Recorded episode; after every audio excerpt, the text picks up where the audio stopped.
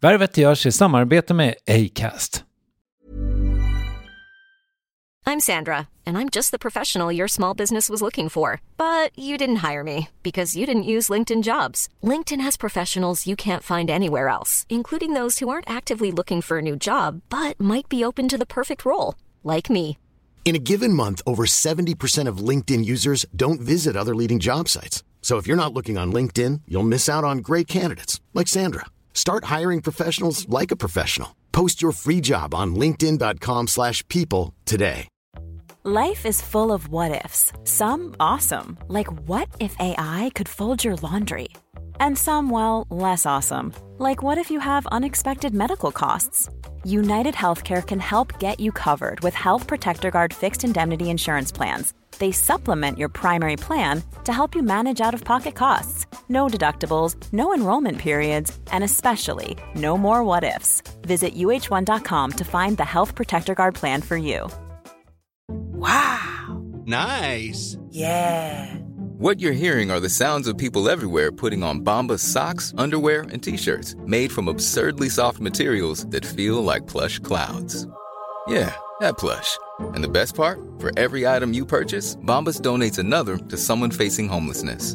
Bombas. Big comfort for everyone. Go to bombas.com slash ACAST and use code ACAST for 20% off your first purchase. That's bombas.com slash ACAST. Code ACAST. Värvet presenteras i samarbete med Nasonex, utomhusmöjliggöraren, som de inte kallar sig av någon märklig anledning. Men det är i alla fall Sveriges mest köpta antiinflammatoriska nässpray mot allergisk snuva. Och nu kommer ett litet test, så fram med papper och penna du som lyssnar, nu kör vi. Fråga 1. Vill du vara ute mer i naturen? Fråga 2. Sitter du framför en skärm lite för mycket? Fråga 3. Är du allergisk? Om du har svarat ja på någon av frågorna så tycker jag att du ska bege dig till beanoutsider.se. Jag vill för övrigt poängtera att Nasonex nässpray är ett receptfritt läkemedel från 18 år för behandling av symptom vid säsongsbunden och perenn allergisk snuva. Rådfråga läkare om du är eller tror dig vara gravid eller ammar eller om du planerar att skaffa barn, har en obehandlad infektion i näsan, nyligen har genomgått en näsoperation eller har en skada i näsan. Får ingen effekt inom 14 dagar eller om du redan använder läkemedel med kortison ska du kontakta läkare. Använd ej mer än tre månader utan läkarkontakt. Stort tack Nasonex och beanoutsider.se.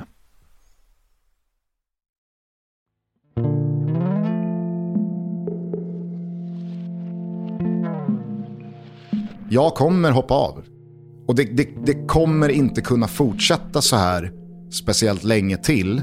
Att alla vi som har brunnit för och älskat fotbollen och engagerat oss i fotbollen och tänkt på fotbollen 24-7-ish. Eh, att vi ska hänga med.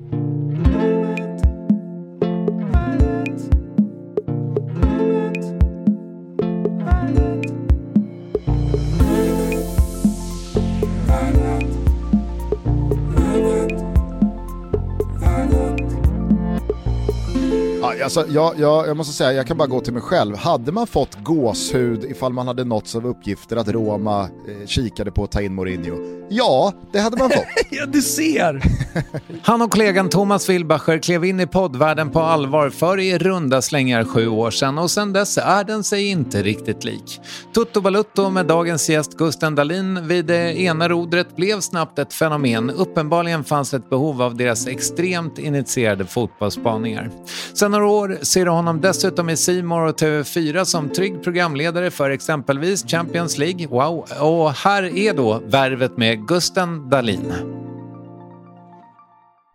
Du, eh, vi eh, slår oss ner här i juli för transparensens skull. Eh, VM-truppen åker snart till Australien. Eh, herrlandslaget i fotboll verkar gå riktigt piss. Vi har en ny ordförande i Svenska fotbollsförbundet. Hur mår svensk fotboll?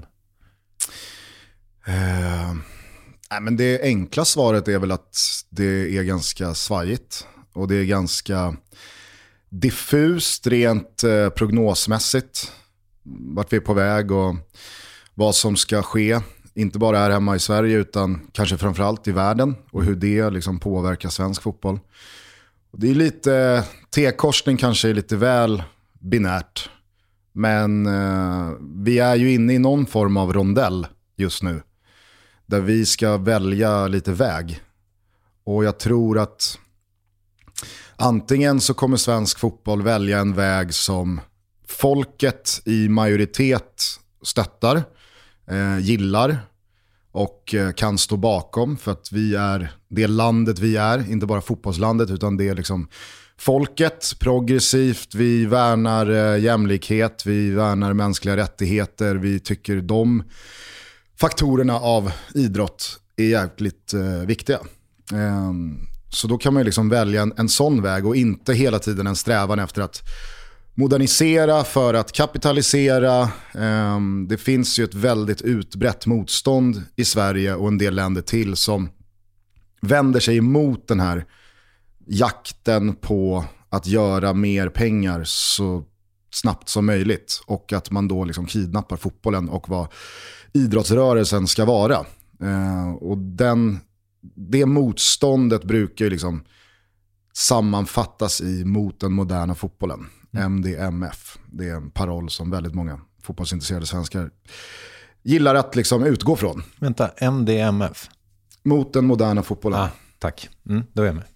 Eh, och jag kan väl eh, verkligen eh, eh gilla det. Jag tycker, att, eh, jag tycker att det finns någonting fint i att svensk fotboll och svenska fotbollsintresserade personer inte prioriterar framgång omskrivet till liksom ekonomisk drivkraft. Det är inte det viktigaste. Det viktigaste är att vi har en folkrörelse som är fotboll som tar hand om eh, barn och ungdomar som eh, ser efter folkhälsan och som kokas ner till att eh, lokala lag spelar allsvensk fotboll eller superettan-fotboll eller division 1-fotboll på en trevlig idrottsplats där ja, men, folk samlas en gång i veckan för att heja på sitt lag.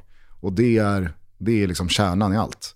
Mm. Um, så att, nej det, det, är, det, är väl, det är väl en exit som jag tror att jag vill att vi ska ta.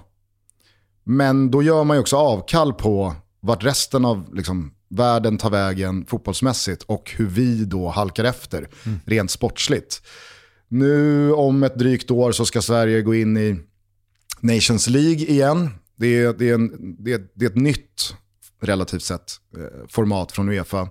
Jag vet inte hur liksom, insatt jag är. Insatt du är. Gissa. Du vet, du vet hur lite jag vet. Jag, ja. jag har på känn att du inte riktigt har greppat Nations League-formatet fullt ut. Nej, ska jag, ska jag gissa så är det något slags... Eh, är det eh, ett lågbudget-EM?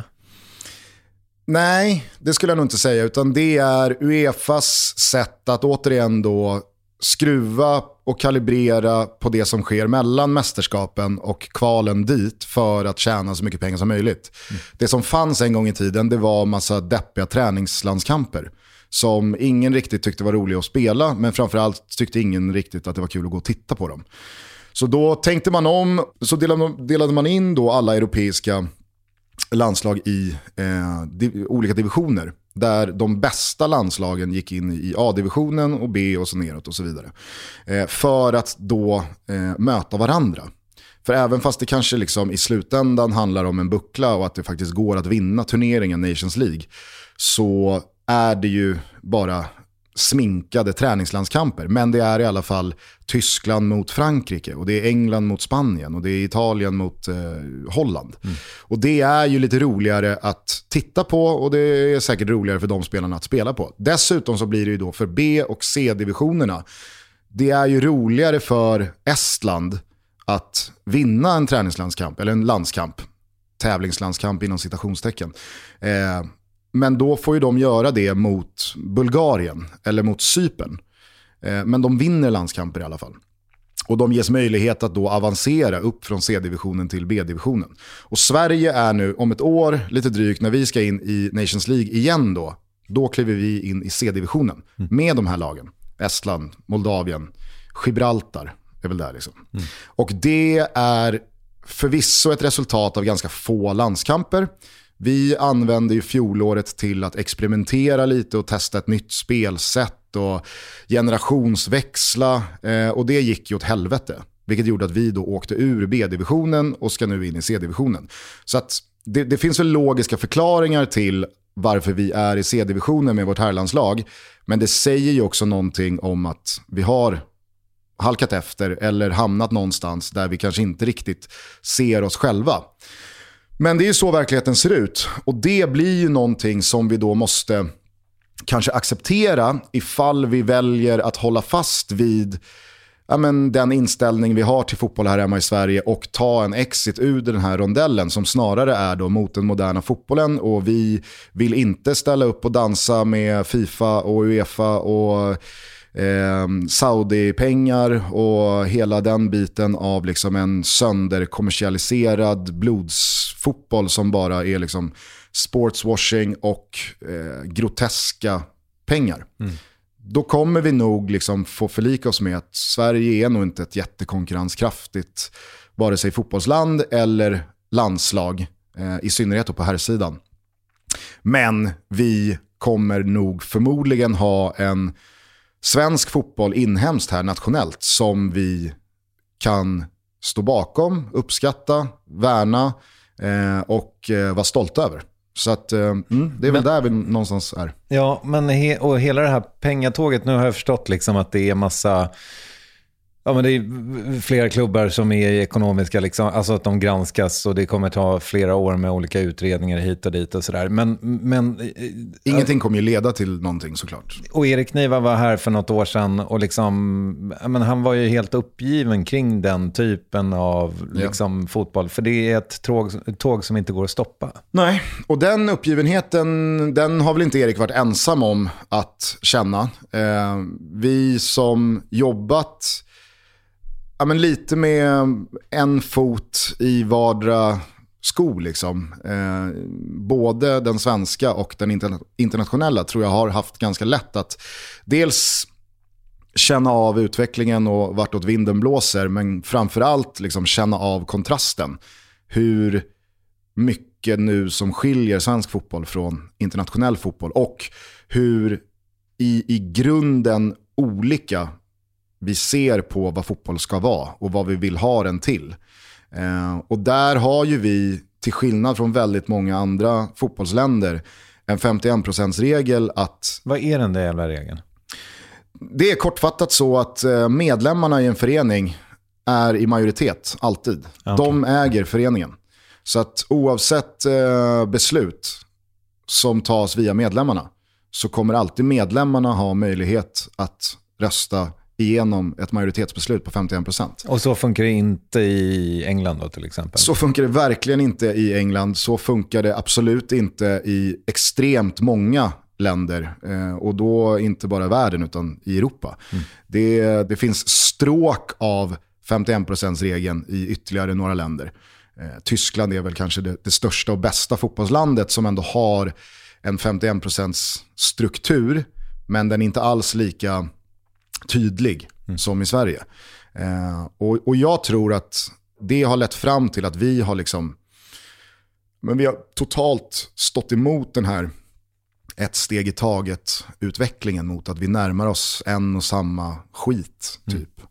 För att eh. vi, vi kunde så att säga ta ett VM-brons 94, men det var för att den här typen av fotboll inte fanns då. Alltså den här utvecklingen fanns inte då. Ja, det är väl kanske en förenkling. Jag menar, vi var i VM-kvartsfinal för eh, fem år sedan. Mm. Jag menar, studsar en boll rätt på en hörna eller en eh, straff döms så hade vi väl kunnat varit i semifinal och så helt plötsligt så står vi en bronsmatch igen. Så att när det kommer till fotboll, och det var väl det jag menade just med att Sverige är i C-divisionen i Nations League också, att det är ibland lätt att härleda ganska mycket till ganska få matcher.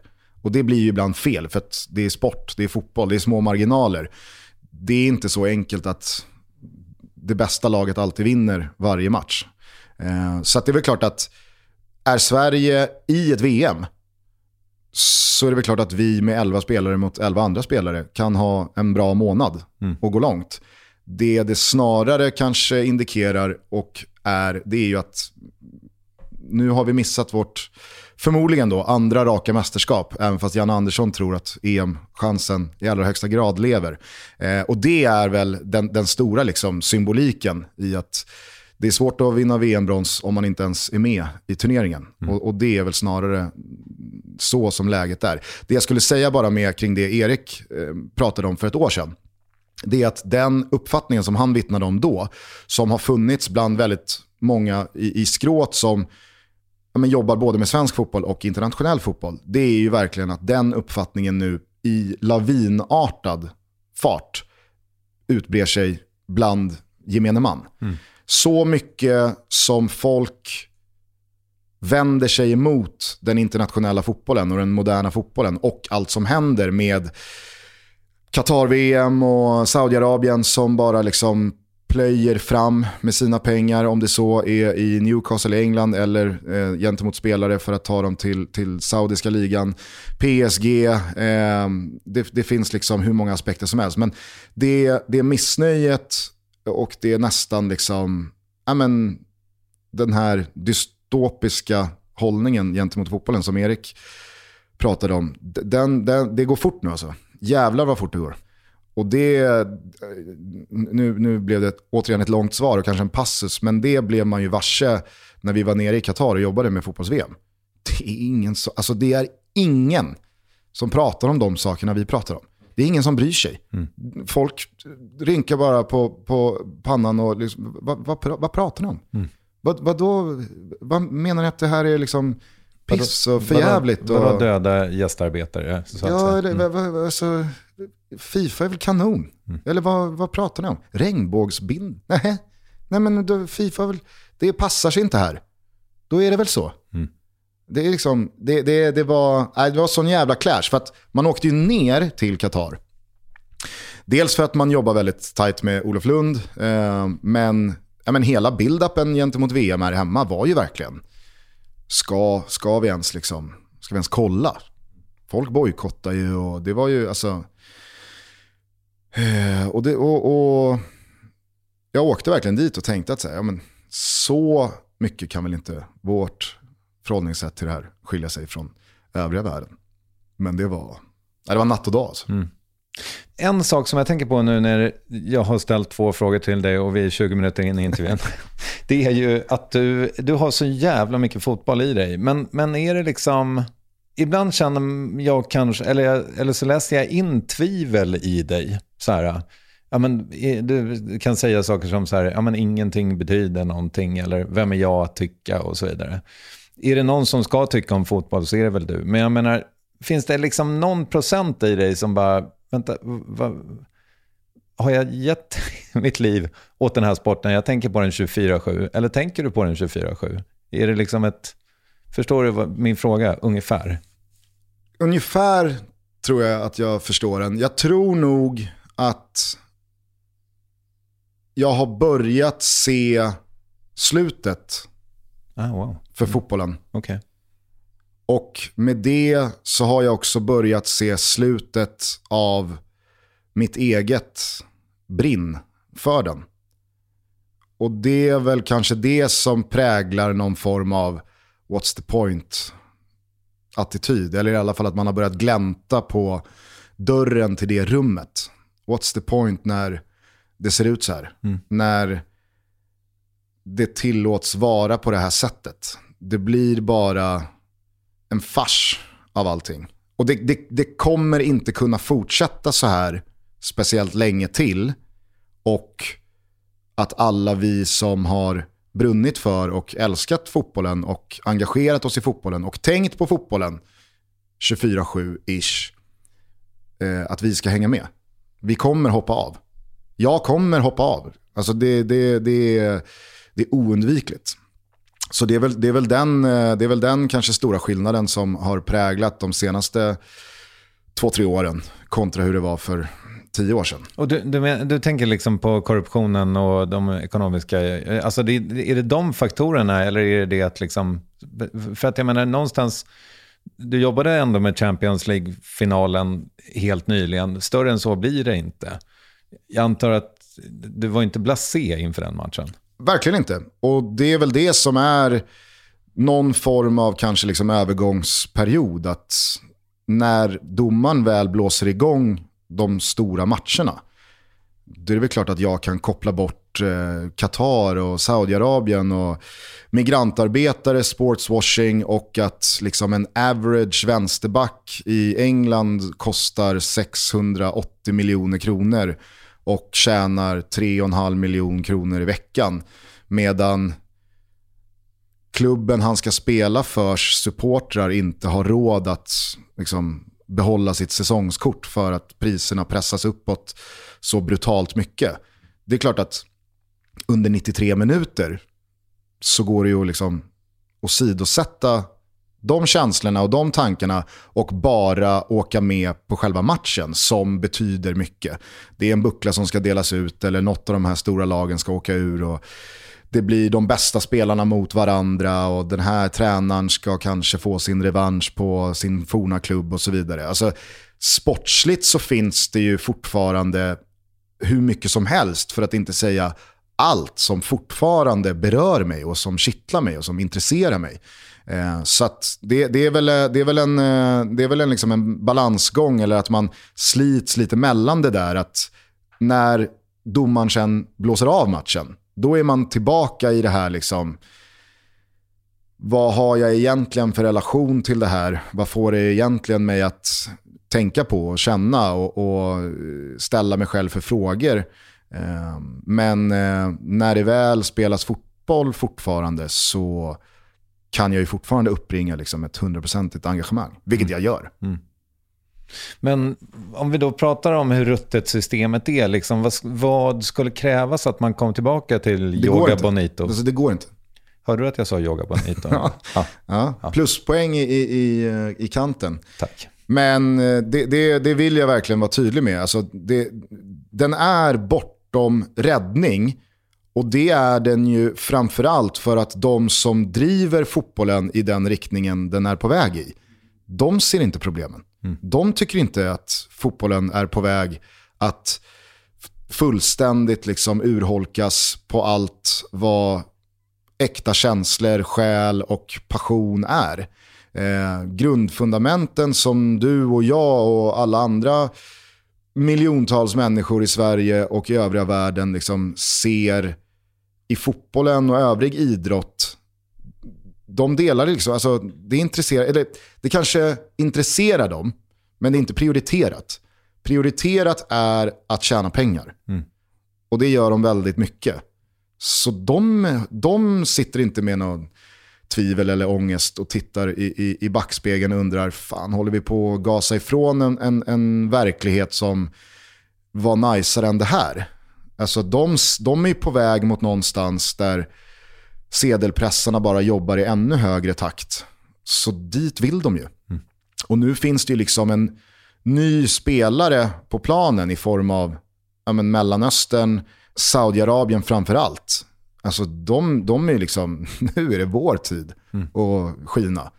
Så de kommer, bara, de kommer bara köra på. Och är det där pengarna finns, ja då är det väl klart att Fifa och Uefa kommer förstå att vi kan inte stå som någon sista moralisk utpost här eh, och, och, stå emot det här. För varför mm. då?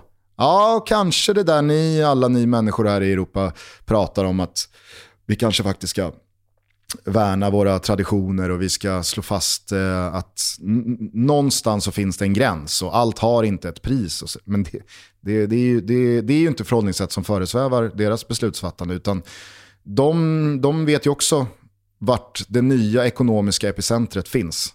Så då är det bara liksom röra sig ditåt. Kan vi merga? Kan vi göra någonting tillsammans här? Hur tar vi del av era pengar?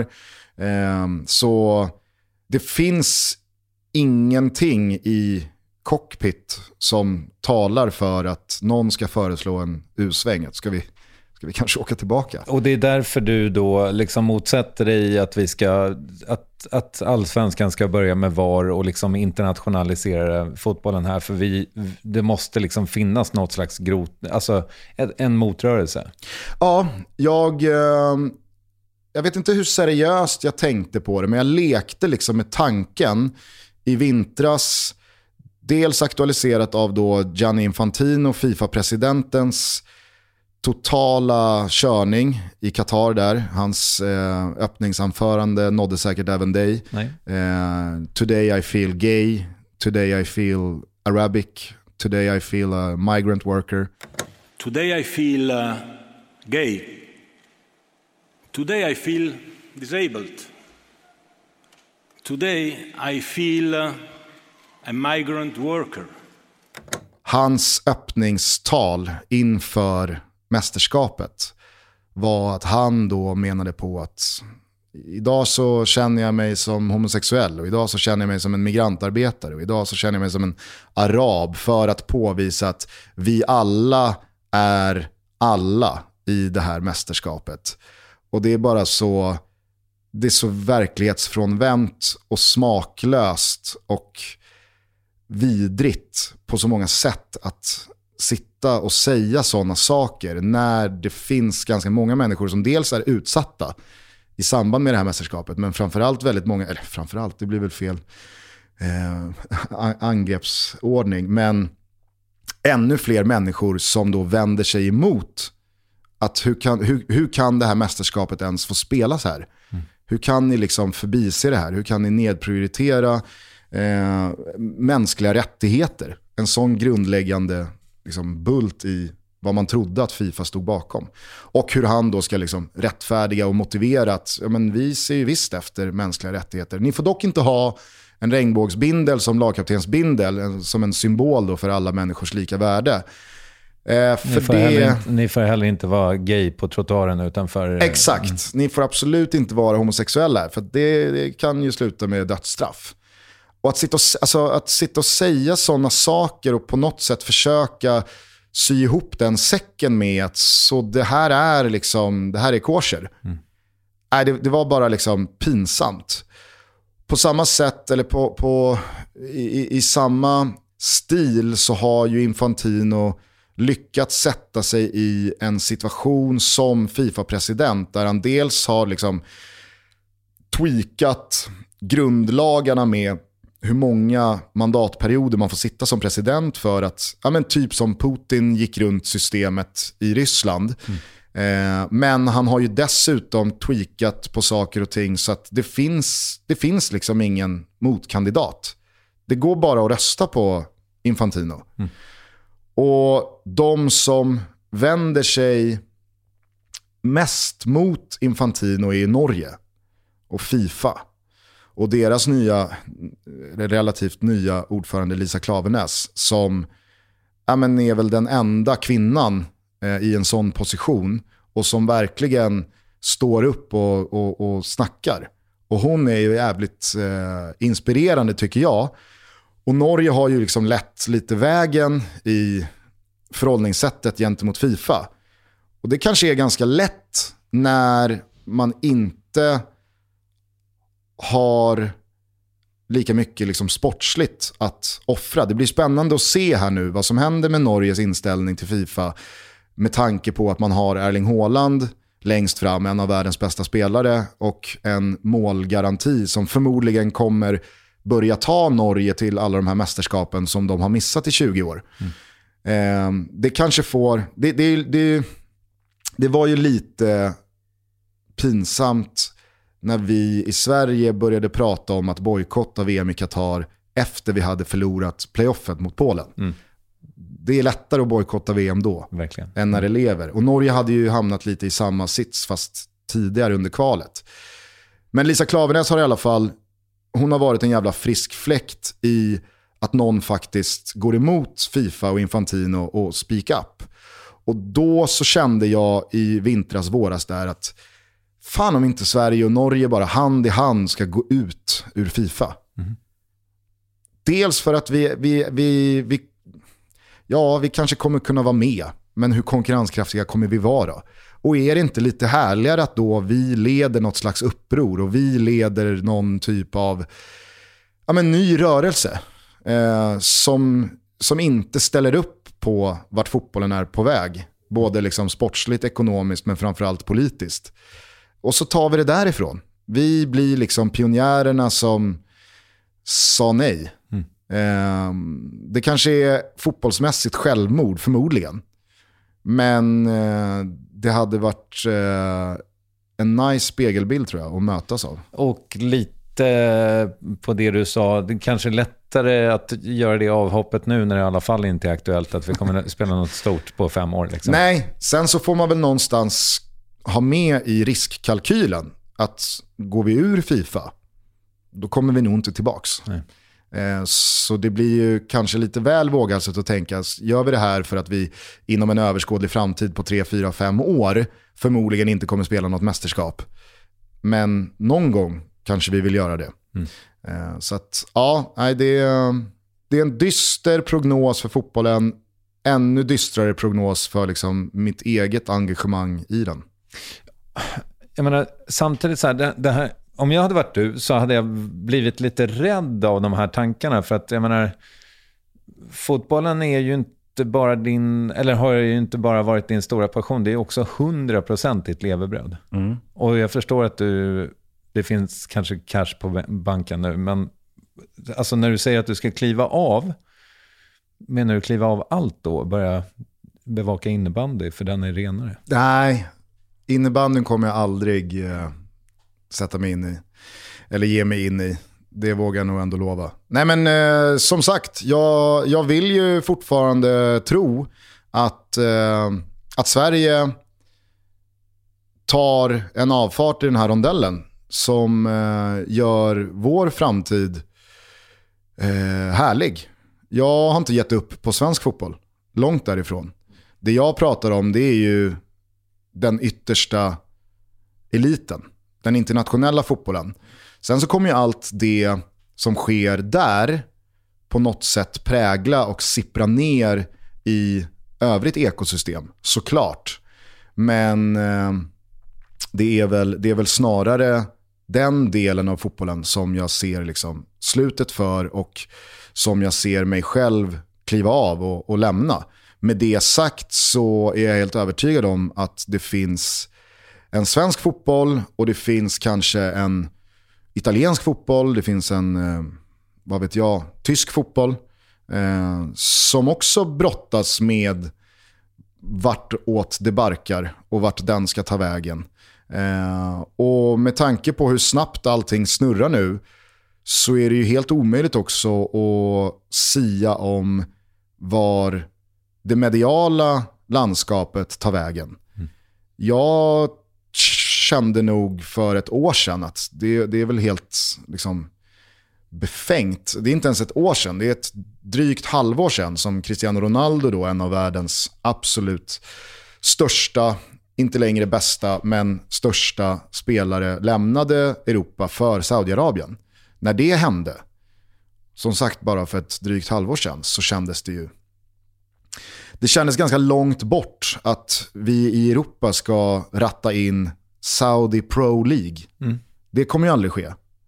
Idag, sju, åtta månader senare, så läser jag artiklar om liksom var och när den här rättigheten kommer dyka upp på det liksom europeiska tv-marknadsbordet. Mm. Så det är nog inte längre frågan ens om det kommer, utan det är bara en fråga om när det kommer. Och vad kommer det innebära för alla oss som ja, men dels eh, jobbar med, eh, med eh, fotbollsrättighetssändningar, men framförallt alla de som tittar. Hur förflyttas intresset? Finns det ens ett intresse av eh, de här ligorna och den här fotbollen? Eh, vad kommer det komma med för kostnader? Eh, för det ska man ju veta att alla de här miljarderna som splashas ut, någonstans så ska man ju få tillbaka dem. Eh, det, det, är inte bara för, för nöjes skull och att folk är givmilda och generösa som man hostar upp de här pengarna. Utan det är ju business, allt är business. Um, så att uh, vi får väl se hur, uh, hur landet ligger om, uh, jag vet inte, tre, fyra, fem år. Det jag känner mig ganska övertygad om det är att jag, jag och väldigt många med mig har nog ganska svårt att se framför oss hur det ser ut om mm. fem år. Så men, vi får väl se. Men du, när det gäller ditt ditt yrke då? Jag menar, eh, nu är ju du på TV4 slash Simor med Telia i ryggen. Eh, en stor pengapåse får man anta att det finns, men det är väl kanske ingen självklarhet att du alltid på den arbetsplatsen kommer kunna göra Champions League, eller? Nej, herregud. Alltså, vi, har, eh, vi har en säsong kvar eh, av Champions League i vår deal. Mm. Så att eh, till att börja med så hoppas jag väl att eh, vi kan eh, få till ett nytt kontrakt så att jag är kvar där. Men så pass länge har man varit med i den här branschen att jag har full förståelse för och full respekt för att väldigt många avtal med så kallade talents, alltså programledare eller reportrar eller kommentatorer eller vad det nu är, skrivs ju utifrån hur rättighetsskafferiet ser ut. Och skulle det vara så att vi blir av med Champions League nu och kanske inte får in någon ny stor fotbollsrättighet, eller att vi inte eh, förlänger med Champions League, ja då, då, då fattar väl jag också att det finns en rimlighet i att, jaha, behöver vi då programledaren för Champions League? Mm. Eh, det där är ju bara liksom en, en, så som verkligheten ser ut. att Finns det rättigheter så finns det jobb. Finns det inga rättigheter så fattar jag också att då, då prioriterar man de anställda. Eh, då ser man över eh, frilanskontraktsbanken. Mm. Eh, Och billig är du inte? jag, är väl, eh, jag är väl någonstans... Eh, är väl någonstans mitt emellan. Ja. Eh, så det, det, det är så det ser ut. Mm. Eh, det, är, det är inte konstigare än så. Men med det sagt så har jag fortfarande väldigt mycket att ge när det kommer till Champions League, när det kommer till internationell fotboll. För som sagt, vad jag känner i mitt bröst och vad jag tänker i mitt huvud kring de större frågorna. Det är ju inte så att det på något sätt tillåts av mig själv lysa igenom när jag ska programleda det sportsliga. De här rättigheterna. Där och då, jag, jag, jag vill göra de eh, sändningarna så bra som möjligt och jag går in med hundraprocentigt engagemang i både förberedelser och i entusiasm kring matcherna som är. Ehm, men som sagt, vi får väl se hur, hur, eh, hur länge det håller i sig. Jag tror inte jag är den enda som, som inte vet när man är någonstans mellan 30 och 40 var man är om ytterligare 5-10 år. Men finns det också en sån här... Eh, jag menar om uh, dina chefer på kanalen säger du, uh, fan, vi kommer torska, vi, vi, vi kommer sumpa Champions League nu, men vi har fått in Saudi Pro League. Kan du tänka dig att jobba med de matcherna? Det ärliga svaret är nog att jag inte vet. Nej. Jag, jag jag, jag skulle inte kunna sitta här och även fast frågan är liksom presumtiv eller hypotetisk så kan jag nog inte sitta och bara säga ja, det är klart att jag kan. Men jag kan inte sitta där och säga nej, det kan jag inte. För det vet man ju också om man har varit med i den här branschen ett par år att jobb är jobb. Mm. Alla har dem inte. Det, det är en eh, liten ankdamm för få förunnade människor att få jobba med de här rättigheterna och att dessutom få bra betalt för det. Så det är väl klart att eh, när du väl sitter där och eh, har ett avtal framför, sig, eller framför dig med förvisso då en känslig och laddad rättighet. För att i takt med, och det ska man också komma ihåg i de här tiderna, i takt med att den internationella elitfotbollen går åt ett håll och den svenska folkrörelsen till fotboll går åt ett annat håll, eller står kvar på en plats. Med det så ökar ju också aversioner och ilsker och avsmak och förakt från svenskarna gentemot den här internationella elitfotbollen och till viss del oss som jobbar med den. Okay. Mm. Och det är ju inte heller liksom någonting som bara är att vifta bort. För att även fast det inte är jag som köper in rättigheter till TV4 och Simor och även fast det inte är jag som är den som beslutar eh, vem som ska göra vad i de här produktionerna så är det ju någonstans jag som frontar det är lätt att få tag i mig, det är lätt att skriva till mig. Jag blir ju någonstans för väldigt många kundtjänst och ansvarig utgivare. För att mig går att få tag i. Det är ingen riktigt som vet vem som är högsta höns eller ytterst ansvarig högst upp i toppen. Utan det, det, det, det blir ju väldigt mycket liksom skit som kastas på oss som å ena sidan vänder oss emot, problematiserar och kritiserar VM i Qatar. Men vi är också där och jobbar med det. Mm. Och vi får betalt för att jobba med det. Eh, I samma utsträckning Premier League för dem på Viaplay, Champions League, ja, you name it. Men, eh. och, och, det är ju inte er rättighet, men jag menar, givet det du säger så här, hade inte liksom, hade inte allsvenskan varit ett rimligt arbetsområde för dig då?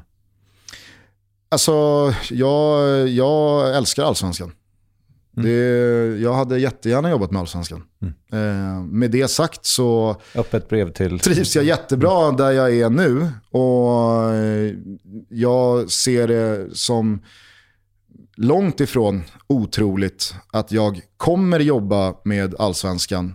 Men eh, det behöver heller inte innebära att jag nödvändigtvis måste flytta på mig. Mm. För det är ju så, alltså, allsvenskan har inte varit på Discovery Plus i alla år, utan den kom ju från oss. Och den kommer inte vara kvar på Discovery Plus i alla år, utan den ska vidare när ett nytt avtal ska förhandlas fram, om nu inte Discovery förlänger. Mm. Vilket givetvis är, men det är så rättigheter funkar. Alltså, Champions League eh, flyttade från eh, Viaplay och MTG eh, till oss. Så att eh, jag hoppas eh, att få jobba med Allsvenskan, absolut, i den, i den roll jag har idag. Och, och jag, jag hade verkligen, liksom, jag tror att jag hade varit bra, jag tror att jag hade gillat att jobba med Allsvenskan. Men om eller när det sker, det får väl framtiden utvisa.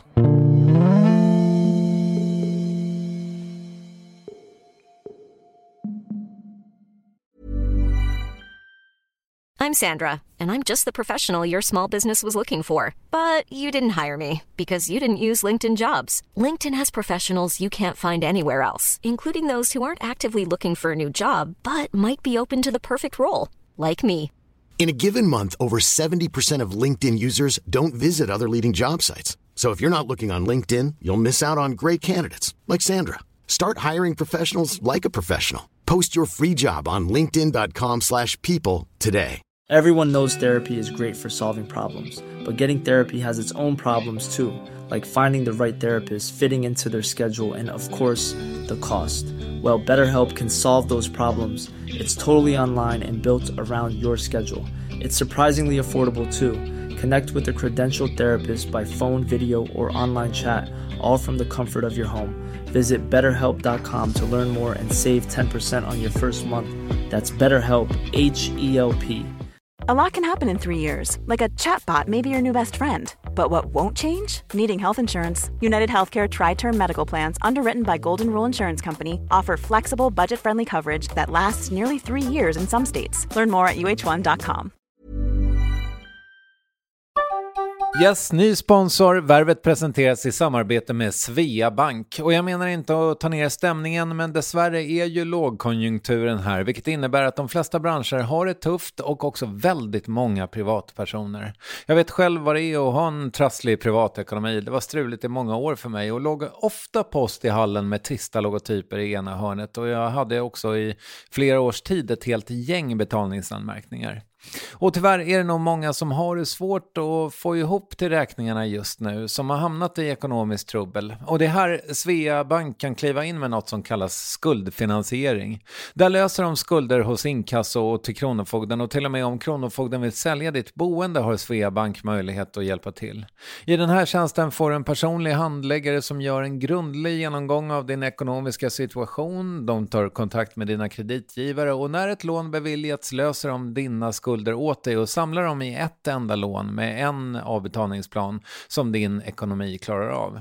För om du har hamnat i klister, du är inte ensam och kanske kan det här hjälpa dig. På svea.com skuldfinans kan du läsa mer. Tack Sveabank! Men du, du var lite inne på det här och jag tycker det är så jävla intressant ändå för att du, du är ju liksom å ena sidan neutral och proffsig, se alla sidor, programledaren i tv. Å andra sidan den här otroliga åsiktsmaskinen i podden. Liksom, alltså det är ju ändå två relativt olika stolar. Verkligen. Alltså, ställer det någonsin till det för dig? Uh, nej, det skulle jag nog inte säga att uh, det gör. Jag, jag har ju väldigt lätt för att liksom i mig själv känna vad jag kan och inte kan, eller kanske framförallt inte borde säga för att det eventuellt kan liksom spilla över på det jag ska göra hos TV4 och Simor eh, och eventuellt bli lite liksom märkligt att förhålla sig till. Eh, så jag, jag har aldrig haft något problem att liksom navigera mellan de där olika, dels formaten men också rollerna som jag har. Sen så tror jag att jag i ganska hög utsträckning gör det jag gör hos TV4 och Simor för att jag också kan låta mina åsikter prägla våra sändningar och mina frågor och liksom det vi ska prata om runt bordet i studion. Mm. Det, det tror jag är en ingrediens som har varit ganska avgörande. För annars eh, så finns det nog ganska eh, många mer etablerade programledare. Eh, för det ska man komma ihåg att det, det är ju det är inte bara vad man säger och gör som programledare, utan det är ju väldigt mycket liksom vem som gör det som når ut till stugorna. Folk vill ha igenkända ansikten. Folk vill ha, ja men där är hon, där är han. Bra, då känner jag mig trygg, det här är bra. Vem är det där-känslan är ju inte liksom hundraprocentigt uppskattad eh, bland chefer när man liksom ska skicka ut ett program. Och det fattar jag också. Mm. Eh, så att eh, det, jag, jag, vill tro att min, eh, min liksom, åsiktsfrihet och att jag har ett enormt engagemang i fotbollen och har väldigt mycket egna tankar och känslor kring det vi pratar om. Eh, att det är en anledning till att jag står där jag står. Liksom. Men finns det grejer då som du inte kan prata om i Tutto så att säga för att ja, men du, det passar sig helt enkelt inte på grund av dina övriga uppdrag? Alltså, skulle du kunna såga Telia för att de har gjort, köper fel rättigheter? Det kan du inte riktigt göra antar jag. Nej, så är det väl. Det är väl klart att eh, alltså, någonstans så biter man väl inte den hand som föder den i viss utsträckning. Det låter vettigt. Eh, sen så finns det väl eh, liksom eh, bara outtalade regler att jag, jag recenserar inte andra tv-hus och deras sändningar. Eh, nu fick vi ju göra ett undantag tillsammans med alla andra när shit went down mellan Bojan Djordjic och Jan Andersson i Viaplays EM-kvalsändning i slutet på mars. Ni är fyra man som konfronterar mig Vem? med frågor efter att jag med 5-0. Men du börjar defensivt att du ah, har vunnit fem av de sista sex matcherna. Ja. Som förbundskapten måste du. Du har representerat 10 miljoner människor. Vad är, och du har pappa någon som är yngre än dig. Vad du? Sverige såklart. Det var undantagstillstånd eh, som rådde då. För att, att inte prata om den grejen hade bara varit märkligt. Liksom. Mm. Eh, men eh, eh i övrigt så, så, är det väl liksom sådana oskrivna regler man, man, man tänker på.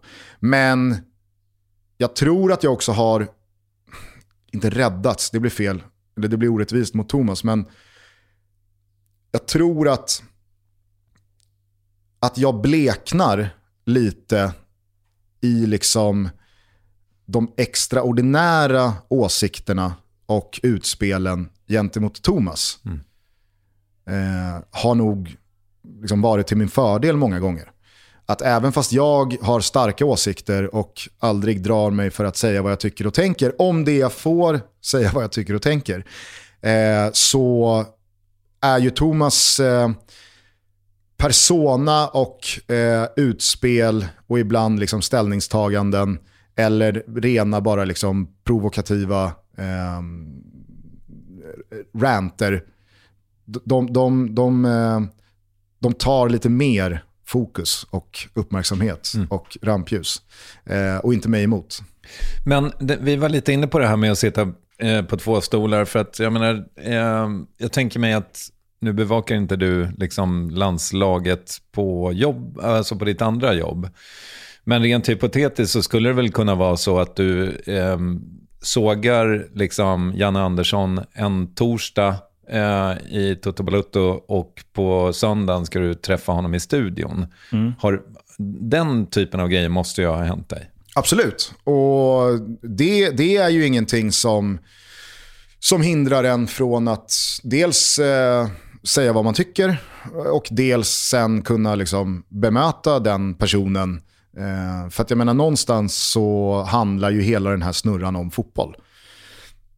Och kan man bara särskilja och separera liksom, personen från gärningen mm. så utgår jag ifrån att alla som är med och leker i den här liksom, plaskdammen ställer upp på premissen som är att du spelar, eller så tränar du ett lag som spelar och vi i media, vi tycker om det. Eh, men med det sagt så är du säkert en jävla hyvens person. Och det är inte det som jag recenserar eller har en åsikt kring, utan jag pratar om ditt lag eller din prestation som spelare. Och kan man bara göra det, ja det är väl klart att det är väl inte så kul att hamna i en intervjusituation med en spelare som man vet att man har sågat eh, och som man kanske tänker har nåtts av den sågningen. Och nu några dagar senare så, så ska vi liksom göra en, en intervju här. Men om, om den eh, spelaren då, eller tränaren eh, vill låta det skina igenom och påverka så får väl han göra det. Jag har liksom inga problem med att förhålla mig professionellt till det vi gör. Men det är inte så att du föregår det där i sminket och säger tja Gusten, du, eh, jag, jag sågade dig i torsdags i Tutto. Eh, men du ska bara veta att det handlar inte om dig, det handlar om liksom det du gör. Nej men det är det jag säger. Det, det, jag, jo, men gör jag utgår, det? Nej, det gör nej. jag inte. Utan jag utgår från att det här är väl en premiss alla ställer upp på. Mm. Eh, alltså, jag, jag, spelar inte fotboll, jag är inte en fotbollstränare. Men jag utgår från att folk recenserar och tycker saker om min och mina insatser i den här liksom fotbollssvängen. Eh, för att det sportsliga och det mediala går ju någonstans hand i hand. Eh, och det har inte jag något problem med. Så länge liksom ingen väger in det personliga i det. Mm. Och skulle jag då möta eller nås av, jag menar det finns ju, det finns ju ganska många exempel på ja, men folk som har tyckt och tänkt eh, både det ena och det andra om det man har gjort. Och sen så träffar man de här personerna i eh, ett annat sammanhang. Ja, då, då, då får man ju återigen leva som man lär. Och så får man eh, hålla god min och utgå från det professionellt. Vilka har eh. sågat dig då? Alltså, det, det här går, alltså, har Janne Andersson sågat dig så att säga tillbaka? Nej.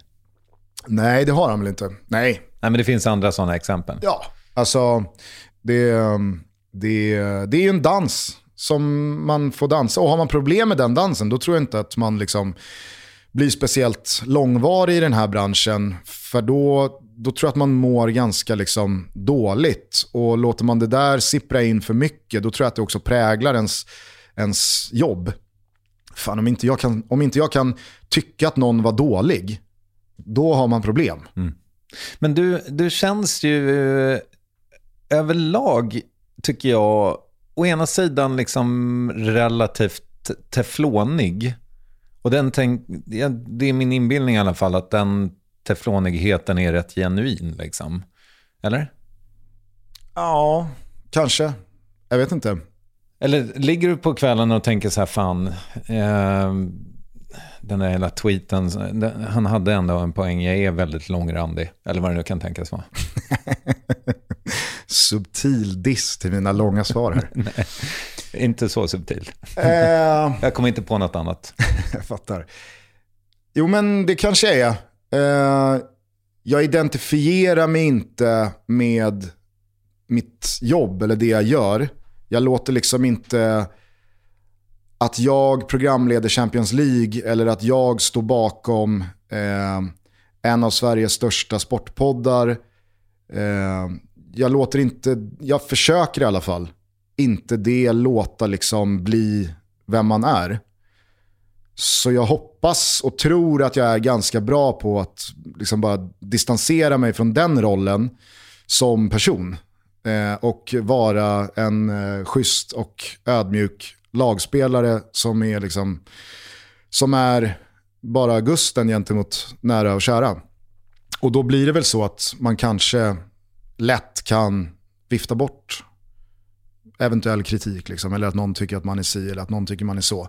Och det försöker jag också göra eh, med ros.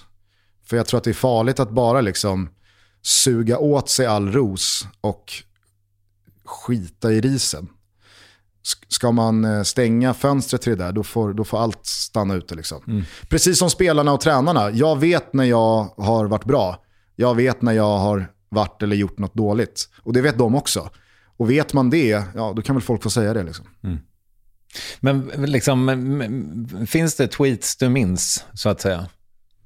Alltså, folk som har skrivit ja. någonting dåligt till mig? Ja. Nej. Nej. Inte en enda. Skönt.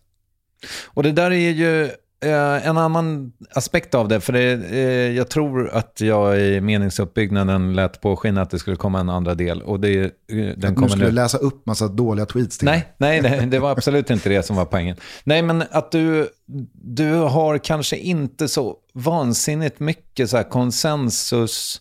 Du är inte så konsensusdriven. Du kan gärna gå i liksom polemik. Du har någon slags verbalt storkukslugn lite. Eller kanske inte bara verbalt, utan att det faktiskt eh, finns där.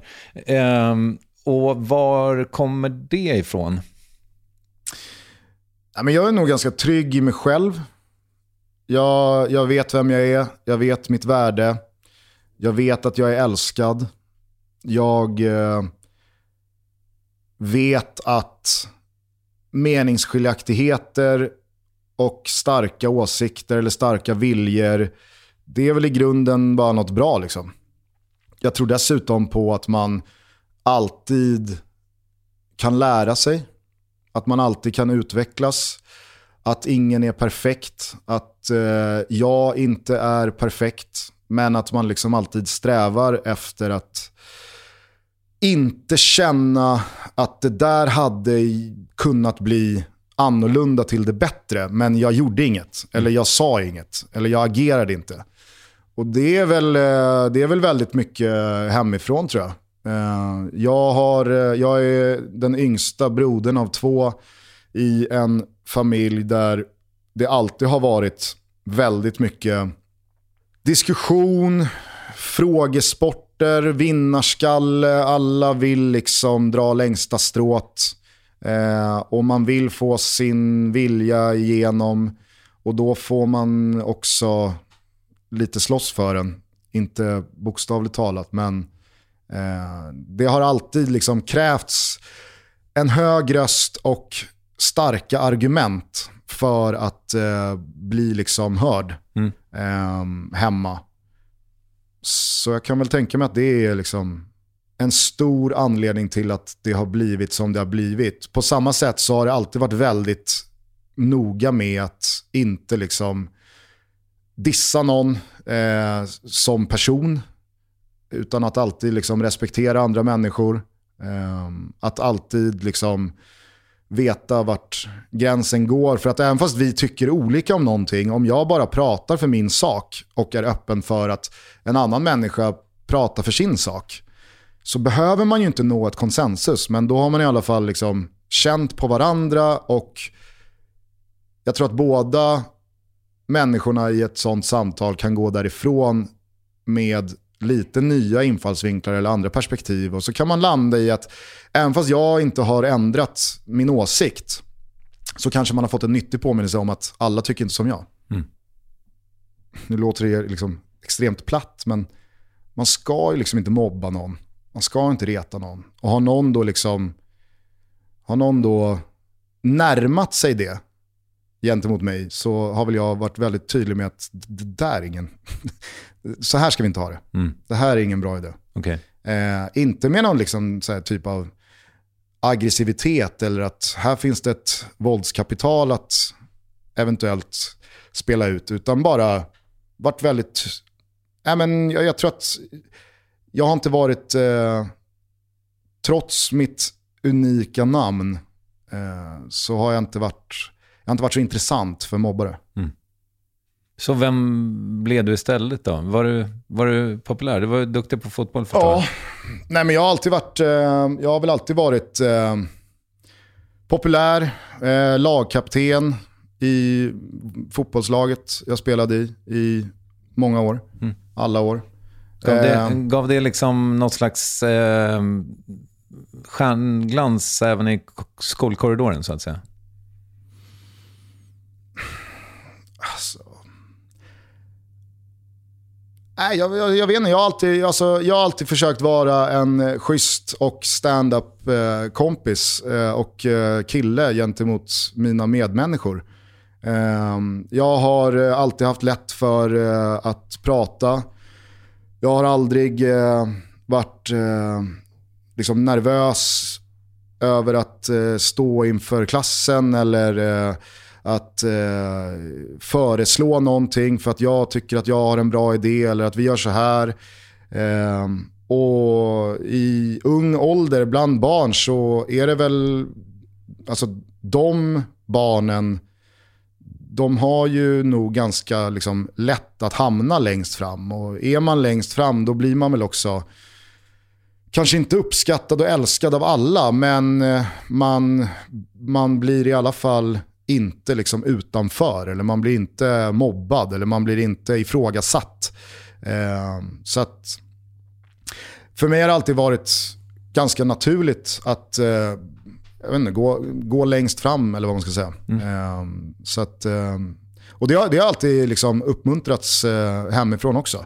Och jag har, för att verkligen då skjuta till rättvisa plus till Isak, så har jag ju haft en storebrorsa ovanför mig med raka MVG, eh, 20,0 från Blackebergs gymnasium A-lagsdebut som yngst någonsin. Pojklandslaget från första möjliga uttagningen till hela vägen upp i u landslaget Alltså, jag har ju haft någon som hela tiden har eh, inte bara visat hur bra man kan vara, utan också fått väldigt mycket uppmärksamhet och eh, rampljus i det liksom sociala, kanske framförallt på hemmaplan. Eh, och, och, då liksom pratar jag om släkt och vänner. Och det, det, det är klart att mamma och pappa alltid varit väldigt liksom, rättvisa eh, och 50-50 i sin uppmärksamhet gentemot oss. Eh, men... På släktkalaset var det ändå så här... På släktkalaset så viftar man inte med ett VG när det finns ett MVG. Nej, och man viftar inte med... Jag, jag spelade 67 minuter i min match i Spånga. Medan Isak hade varit lagkapten i U19-landslaget. Det är, det, det, är en, det är en dålig hand att sätta sig vid bordet med. Men det har väl då liksom också lett fram till att vad fan, då, får man, då fick man liksom försöka vara så bra man bara kunde vara på, på alla sätt och vis. Mm. Det, det, här är ju lite intressant tycker jag, för att jag menar, du skulle ju också bli fotbollsproffs. Um, det, din bror blev inte det antar jag? Jo, det blev han. Okay. Men uh, blev en... Alltså han blev ett resultat av hur fotbollsvärlden fungerar när det går fel. Okay. Om man kan säga så. Mm. Han uh, lämnade Spånga eh, som 18-åring. Och eh, kunde välja och vraka bland i princip alla storklubbar i Sverige. Eh, det fanns intresse utomlands. Eh, men han ville vara kvar i Stockholm. Så då valde han Hammarby över Djurgården. Skrev ett jättelångt avtal med, med Hammarby som där och då var eh, ett av Sveriges bästa lag. De hade vunnit SM-guld fyra år tidigare. De hade mer eller mindre varit i toppen sedan dess. Eh, men de hade jätte, jättebra spelare på hans positioner. Och det är inga konstigheter, är man 18 år då vet man att min tid kommer. Eh, det är lättare för offensiva spelare, unga spelare, att få en kvart här, få en tio minuter där. För det är, liksom, det är inte lika stor risk med sådana spelare eh, som det är med mittbackar. Eh, vilket han var. Vilket han var och vilket han liksom var väl medveten om var premissen för att gå in i, i, i Bayern där och då. Eh, så att han skulle bara han skulle bara liksom bida sin tid, göra det bra på träning, vänta på sin chans. Eh, någon spelare skulle sluta, någon spelare skulle säljas och sen så skulle han få sina chanser. Eh, och det, det gick väl jättebra i ett och ett halvt år ungefär.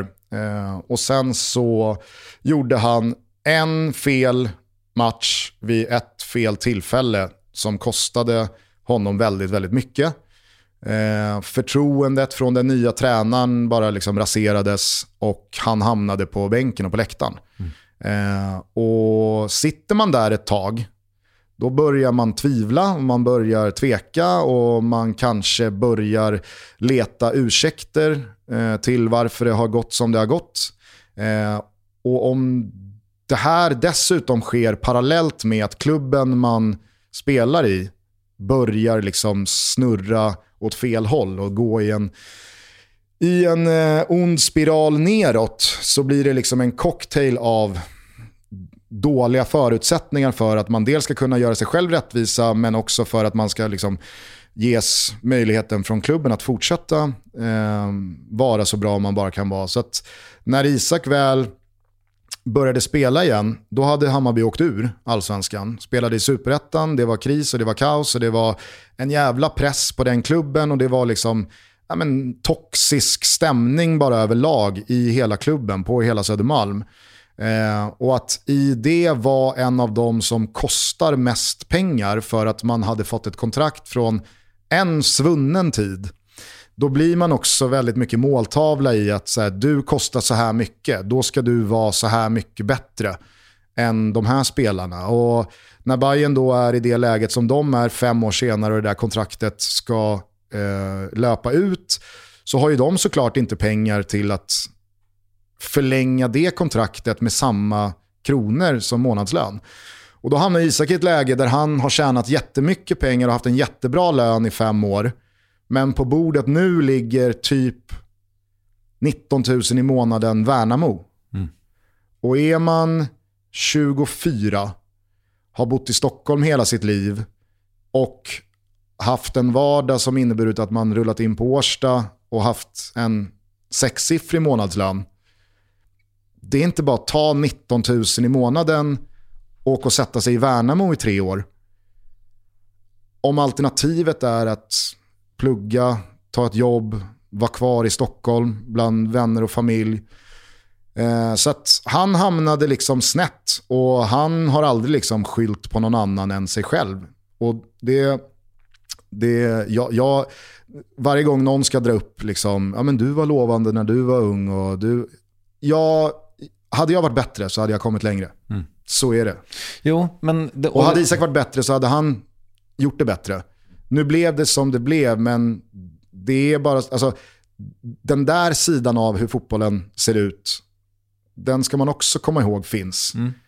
Den är, det, är, det är brutalt eh, tajt det där nålsögat.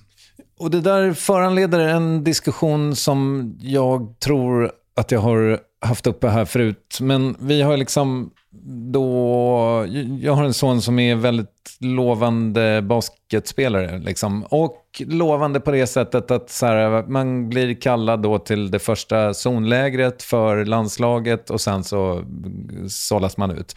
Vilket kanske är goda förutsättningar för att det ska hålla i längden enligt Kim Källström till exempel. Ehm, men är det viktigt, tycker du, liksom, att man, om man skänker fotbollen sitt liv som bröderna Dalin uppenbarligen gjort, gjorde, då, liksom, är det viktigt att ha en plan B? Alltså, jag har aldrig sett på skola som en plan B. Jag har alltid sett på liksom skola och i alla fall gymnasial utbildning som en grundförutsättning i liksom det svenska samhället. Det, det, där är inte så jävla dumt tycker jag i USA. Va? Att man liksom måste ha collegepoäng för att liksom, sen så fuskas det som fan med det. Men själva idén tycker jag är rätt snygg. Eller? Ja, ja men Eller, absolut. Alltså, är det high school man måste ha? Om, grund, eh, om, om grundtanken är att se efter människors bästa i det långa perspektivet för att man är ganska medveten om att 14-åringar, 15-åringar, 16-åringar kanske inte alltid tar de bästa besluten eh, för sig själva i det långa loppet. Och som du liksom benämner som plan B, som andra kanske... Alltså det är så här, in case att det inte blir så bra som du vill med din idrott så har du i alla fall den här möjligheten att då eh, göra någonting annat av ditt liv. Alltså i, i ett land som Sverige så, så finns ju de flesta möjligheter för de flesta människor även när man är 25. Mm. Även när man är 30. Så det är väl klart att så som fotbollen ser ut idag med den konkurrens som finns. Nu har jag väldigt dålig koll på liksom basketen och vad det är för nålsöga, men jag kan tänka mig att det är nålsögat i och med att Sverige är ett sånt litet basketland så är det liksom likvärdigt tight. Jag förstår ju de som går all in. Inte bara de barnen utan också de föräldrarna som stöttar den all in liksom, promenaden med att man kanske inte ens går gymnasiet utan man tar det där A-lagskontraktet och, och satsar fullt ut. Man eh, betalar eh, personliga tränare och tränar utöver eh, lagverksamheten. Kanske i vissa fall rent av skickar sin 15-åring till Italien eller England eller Tyskland eller vart, vart det nu är. Och eh, checkar in på de här boenden där 200 andra 15-åringar huserar eh, från hela världen i, i liksom samma jakt på samma två, tre platser som finns i det där A-laget fyra år senare. Så det är väl klart att blir det inte av det så har ju de svenska killarna företrädelsevis, för att där är ju inte riktigt flickfotbollen. Eh, de har ju väldigt många gånger möjligheten att då komma hem, tillbaka till Sverige igen. Mm. Gå gymnasiet, plugga på komvux, läsa upp betyg, söka sig in på ett universitet, kunna ta ett fördelaktigt CSN-lån för att göra det. Eller, vad vet jag, kunna gå rakt ut och, och jobba någonstans. Det är inte alla, det ska gudarna veta, det är, det är inte alla 16-åriga killar som ligger runt om på de här akademierna och eh, känner att blir det inte det här så blir det något annat. Utan som verkligen är all in. Som vet att blir det inte det här då, då är det tillbaka till absolut ingenting. Och till en verklighet där jag har gjort min familj och släkt besvikna i något slags hopp om att kunna förändra deras värld och verklighet till det bättre. Så har det ju inte speciellt många svenskar Nej, men jag tänker mig också att om man tittar på dem som så här, jag menar, Ja, det, är, det är en jävligt svår balansgång, för jag tror att man på ett sätt då som förälder, nu står du inför att bli det, liksom, och det här är ju en bra bit bort, antar jag. Men på, på, å ena sidan så vill man ju göra en drömmare av sitt barn. Mm. För det tänker jag mig är så här, jag menar, om, om Zlatan hade varit så här, ja vi får se, det kanske blir eh, verkstad på gymnasiet eller så blir det fotboll. Så, nu, det var väldigt dålig imitation. Eh, P3 hör inte av er. Eh, men Alltså det, det, man måste ju gå all in, tänker jag, om man ska gå hela vägen. Men det är väl klart också att man då som förälder vill låta barnet förstå att nej men, det, alltså nålsögat är tajt som ett musarsle. Liksom. Jag håller inte med om att man måste gå all in. För det finns hur många exempel som helst på fotbollsspelare som idag är 23 eller 27 eller 33. Och som tjänar jättemycket pengar, som åtnjuter eh, jättefina eh, liksom klubblag och eh, är en del av landslag som inte var all in när de var 9, 14, 19. Alltså, okay. Mm. Sen så finns det ju såklart hur många som helst som också är ett resultat av att man var all in. Mm. Från att man var 9, 14 eller 19. Och det är väl kanske den mängden spelare som stadigt ökar. I och med att konkurrensen är så mördande så blir det också utslagsgivande i högre utsträckning idag att ha varit all in från att man var 11, 11 mm. kontra att man kanske tar det beslutet när man har tagit studenten eller när man har nått ett A-lag när man är 20-21. Dessutom så är det ju så att idag så är ju fotbollsåldersstrukturen förändrad. När jag växte upp, då var man ganska gammal när man var 31. Det var liksom veteranläge. Och det var inte alls konstigt att trappa ner eller sluta när man var 31. Idag är ju liksom 31, det behöver inte betyda att man ens är i närheten av att sluta. Och i samma utsträckning så var ju 20 år, det var ju en spoling mm. 2002. Oj, oj, oj vad ung han är. Han är bara 20 år gammal. Idag, alltså det är... Idag är den siffran 16. Mm. Det finns 17-åringar som har bärande roller i miljardindustrier. Det mm. finns liksom 19-åringar som är lagkaptener och som är hur rutinerade som helst. En eh, spelare nu som nyligen gick till Real Madrid för en miljard heter Jude Bellingham. Han är född 2003. Mm. Han kostar en miljard, han har spelat över 200 matcher i sin karriär. Han har varit lagkapten i Borussia Dortmund som han lämnade och han är liksom en etablerad del av det engelska landslaget. Han är, han är inte ens 20 år gammal. Mm. Jag vet liksom inte vad det kommer innebära för de här killarna senare i livet. Vad det liksom gör med en eh, vad det gör med en som människa. Att så tidigt bli en sån typ av spelare och med den pressen på axlarna. Och nu är väl det kanske en dålig jämförelse, jag vet inte. Men det, min känsla är att det inte har gått skitbra för alla barnstjärnor inom film och tv-industrin. Mm. Som lite för tidigt blev lite för stora och fick lite för tunga uppdrag det känns inte som att 100% av det gänget mår kanon. Nej. Så här 10, 20, 30 år senare. Macaulay Culkins of the world, så att säga. Typ så. Mm. Eh, men eh, jag vet inte, jag, jag, jag, tror att i synnerhet i ett, i ett sånt land som Sverige, som är det liksom, fotbollslandet jag kan bäst, och kanske det enda landet man kan, eftersom man bor här. Och jag tror också att man får en helt annan insikt om hur det funkar idag kontra hur det funkade när jag var 8 eller 12 eller 16.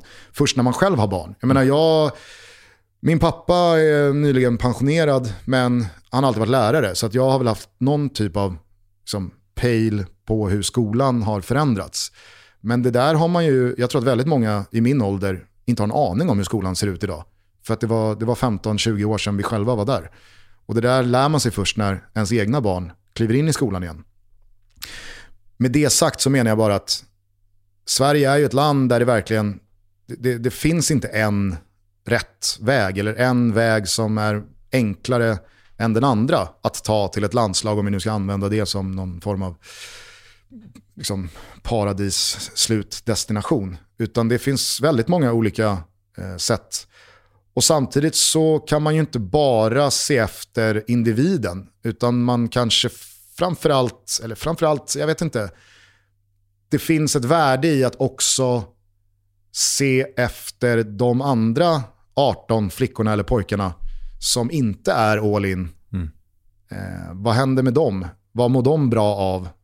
Eh, är det bara fotboll vi håller på med eller är det också någon form av utbildning i livet som människor? Det, ja, jag vet inte. Jag, hade det varit så enkelt som att liksom satsar man bara allt man har så når man dit man vill. Då, då, hade, då hade det nog varit så enkelt. Men så är det ju inte. Nej, det är ju väldigt många parametrar och liksom, jag menar extremt många som du liksom, som man, man pajade ett knä eller en fot när man är 19-20 och sen så gick den drömmen åt helvete så att säga. Men, eh, men och sen, jag menar, jag har försökt läsa på om det här och all forskning tyder ju på att om du ska bli riktigt, riktigt, riktigt bra i en idrott så är det jävligt bra ifall du håller på med någon annan sport också. Men jag menar, om du från det du är 11, 12, 13, 14 har träning sex dagar i veckan, när fan skulle du hinna spela volleyboll då? Det går ju liksom inte. Nej, men där vill jag också liksom säga att jag nog tror att hade det varit så enkelt då från andra hållet, att håller du bara på med fler sporter och har en eh, lite mer sund eh, inställning till din idrott som det är bara idrott. Vi får se eh, vart det tar vägen och kanske drar man korsbandet när man är 21 så därför kan det vara bra att plugga vid sidan om. och på den vägen nå landslaget. Mm. Men då hade väl alla gjort det. Alltså, mm. Människor är ju olika och unika. Och det som passar dig behöver inte passa mig och vice versa. Och jag tror att det där är liksom, det där är väl roten i hela den här diskussionen. Att det finns ingen väg som passar alla. Eller en väg som är dålig för alla. Dejan Kulusevski är ett exempel på hur man kan gå. All in, tidig ålder, han lämnar eh, Sverige när han är 15, flyttar till Italien slår sig fram bland alla andra 15, 16, 17-åringar. Och idag så tjänar han liksom multumiljoner i Premier League och är given i det svenska landslaget 22-23 år gammal. Mm. Men det finns spelare som har gått en helt annan väg också. Isak Hien, han är också i landslaget nu. Han spelade i Vasalund för två år sedan. Så det är, det är kringelkrokiga vägar att gå, men jag tror att, och det är väl någonstans det som jag tänker att jag ska ha som ledstjärna som förälder gentemot mitt eller mina barn, om det nu blir fler, eh, när det kommer till idrott. Att mår du bra? Mår du bra av att gå all in? Mm. Gå all in. Mm. Mår du bra av att varva fotbollen med volleyboll och basket? men då kör vi på det. Mm. Och så får vi se vart det liksom tar vägen.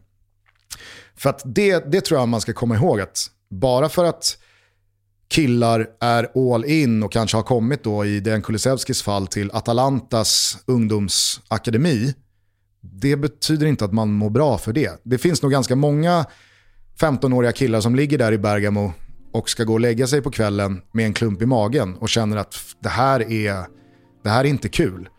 Och det är jag tämligen övertygad om att tycker man inte någonting är kul, mår man inte bra av den liksom fotbollsverklighet man är i, det är ytterst få som presterar då. Mm. Och då kommer man aldrig nå dit man vill. Eller kanske tror att man vill. Mm.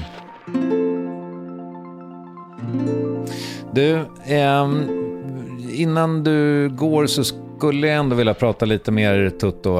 Mm. Eh, det har varit väldigt roligt att lyssna på er podcast för att det, det, är ju liksom ett, jag menar, jag är ju faktiskt äldre i gården än ni är, även om ni har hållit på länge. Och jag minns liksom, eh, när ni kom så satt jag i något möte eh, i, i något corner office och så, så eh, sa någon till mig så här, fan du, du borde, borde gå lite mer åt eh, tuttehållet. Alltså, alltså deras livepoddar är helt sjuka. Eh, det är lapp på luckan vart de än åker. Alltså, ni blev ju så snabbt ett fenomen. Liksom, med, och mm. som jag har förstått det, era livepoddar, i alla fall back in the day, det var ju något sinnessjukt. Mm. Vad va, va hände på de där kvällarna? Eh, ja, vad hände? Nej men, eh, jag tror att vi, vi kom liksom, vi kom i helt rätt tid. Om man nu avser att liksom bli stora. För som du säger så var ju du och en del andra fortfarande levande, i vissa fall nedlagda poddar tidigare. än vad vi var.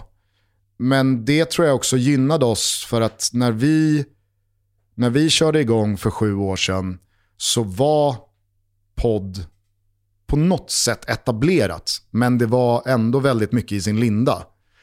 Och framförallt så fanns det en kraft i, inte bara fotbollen, utan också ett tomrum i den här gränslösa bevakningen. I den eh, allt snabbare snurrande fotbollsvärlden som gammelmedia inte hängde med i. Så det fanns verkligen, ja, men det, det, var, det var någon perfect storm av att nu så startar vi en podcast i detta relativt nya men ändå etablerade medie. Ni var snabbfotade på ett sätt som ingen annan var. Nej, exakt. Och vi skrev om lite reglerna för poddar. För där och då så var det ju väldigt liksom, givet att man, om man var kontinuerlig så handlade det om ett avsnitt som kom ut på en given dag. Och vi kände väl när vi sträckte upp fingret i luften att det blåser nog åt ett håll som snarare är fler avsnitt än så i veckan. Och det här med fasta dagar, det begränsar ju bara vår aktualitetsprägel. Mm. När det spelas så mycket fotboll som det gör i en fotbollsvärld, för att vi var ju väldigt tydliga med att det här är allsvenskan, det är Italien, det är England, det är landslag, det är liksom you name it, det är Toto Balutto. Så har folk liksom, folk har gått vidare från matcher, händelser, rubriker tre dagar senare. Det, det, det blir bara liksom löjligt dammigt så snabbt. Och det hade ni ju testat också antar jag. För ni hade ju haft ett par andra poddar som jag antar följde den formen, att man kom på tisdagar så att säga. Ja, lite så. Men de, eller den podden framförallt, den kretsade bara kring italiensk fotboll. Mm. Vilket gör att... Calciatore? Nej, Calciomania. Ja. Eh, och när man avgränsar liksom, eh, poddens innehåll till bara italiensk fotboll, då, då saktar du också ner hastigheten på hur snabbt karusellen snurrar. Och vänder man sig bara till calciofilerna, alltså de som följer italiensk fotboll, då är man ju kvar i en rubrik eller en match eller en händelse eh, lite längre.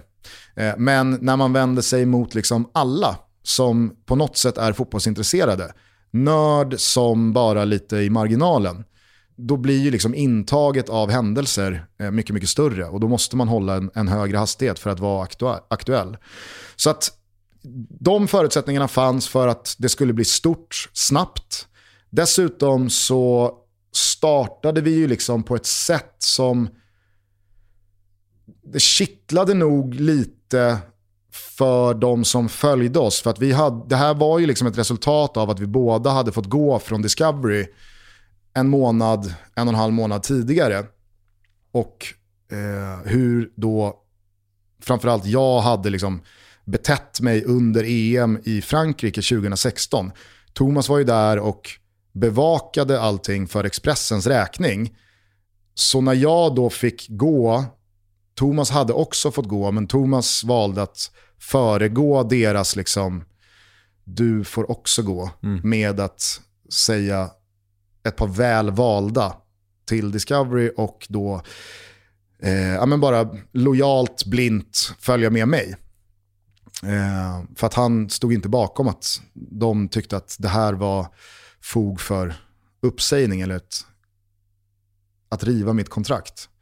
Och då blev det väl liksom, jag vet inte, det fanns väl någon laddning i det också som attraherade folk. att Vad ska, vad ska de hitta på nu? De som där och då hade följt oss. Liksom. Mm.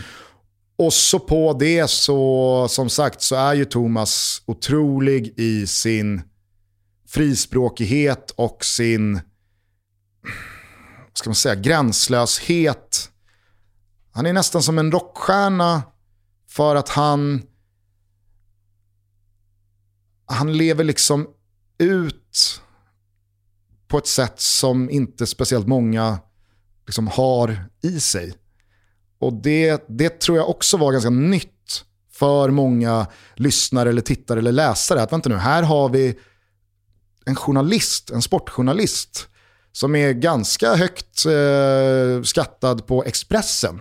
En av våra liksom, mest etablerade plattformar som finns. Och han har en tv-karriär i ryggen och han står eh, i eh, liksom, eh, kurvan på en eh, fotbollsläktare med en bengal i handen. och han, eh, han bärsar också på och han eh, kan också dra av sig tröjan i eh, eufori när hans lag är mål och vad det nu kan vara. Liksom. Och det där var ju, jag vet inte, det uppenbarligen så attraherade det väldigt många likasinnade. Och så blev det liksom en ja, men någon form av rebellisk, eh, ni pushar gränserna vibe på alla sätt och vis. Mm. Poddmässigt, bevakningsmässigt, eh, attitydsmässigt och liksom vi är precis som ni mässigt. Så det blev fylleslag av de här livepoddarna? Nej, det skulle jag inte säga, även fast vi är ganska stolta över att vi har ölrekordet på Oscarsteatern. Eller vi har kassarekordet i baren på, på Oscarsteatern som är en jävla institution i, i, i Stockholm. Eh, men nej, det, det, det var, alltså, det, det, var absolut inte... Eh, in, alltså, från vårt håll, absolut inte. Sen om folk bärsar på, kör på. Eh, och det kanske hjälper en uppiskad liksom, brölig stämning på traven. Men det var inte så att jag och Thomas eller de gäster vi hade på scen eh, eller liksom contentmässigt bara var liksom ett fylleblaj. Utan jag är för mycket kontrollfreak men för mycket liksom fan om folk har pröjsat för att komma hit, då, då måste vi ge dem någonting bra. Mm. Då måste vi ge dem någonting som, som vi tycker är bra. Så att, eh, nej, det, jag vet, ja, ja. Det var roliga år, men det var inte någonting som skulle liksom ha fortsatt längre än vad det gjorde. Okay. Det, har varit, det, det har varit skönt att eh, det har varit skönt att ha gått vidare från liksom den, den delen. Jag fattar. Du, eh, vi, vi, har pratat så jävla länge och jag har ganska många frågor kvar. Eh, men eh, jag tänker mig sådär, alltså nu gav du halva den här storyn, men jag tänker mig bara att om jag ska ge, ge lite kontext då, så det, det var ju liksom en vändpunkt eh, som du ofta får prata om den här 2016 när du får sparken efter att på fyllan ha sjungit en ramsa om Mikael Lustig i Toulouse. Borde ha andats tidigare där. eh, men eh, och, som du alltid då i efterhand Eh, säger att det var det bästa som kunde hända. Men eh, liksom så här sju år senare, är, är liksom... För om man säger det är det bästa som kunde hända, då tänker jag mig att det springer ur någon slags tacksamhet då till ödet, eller vad det kan tänkas vara. Ehm, men är det den enda känslan? Finns det någon skam kvar så här långt efteråt? Nej. Nej. Verkligen inte. Fanns det någon skam där och då? Jag tror att det var en mycket, mycket större känsla av ånger än av skam. Okay. Om du förstår yeah. skillnaden. Mm. För att jag, jag, jag kunde liksom där och då stå för liksom vad jag gjorde, annars hade jag inte gjort det. Jag kunde dagen efter stå för vad jag gjorde. Jag tyckte inte att det var så farligt. Och jag har ever since alltid kunnat stått för det jag gjorde. Jag var på semester, jag följde Sverige under ett mästerskap med min flickvän och några kompisar. Det var dagen innan Sveriges match mot Italien. De hade hyrt ett hus med pool i Toulouse. Vi grillade, käkade och eh, badade och drack öl. Eh, och det var, det var, det var mästerskapsfeeling.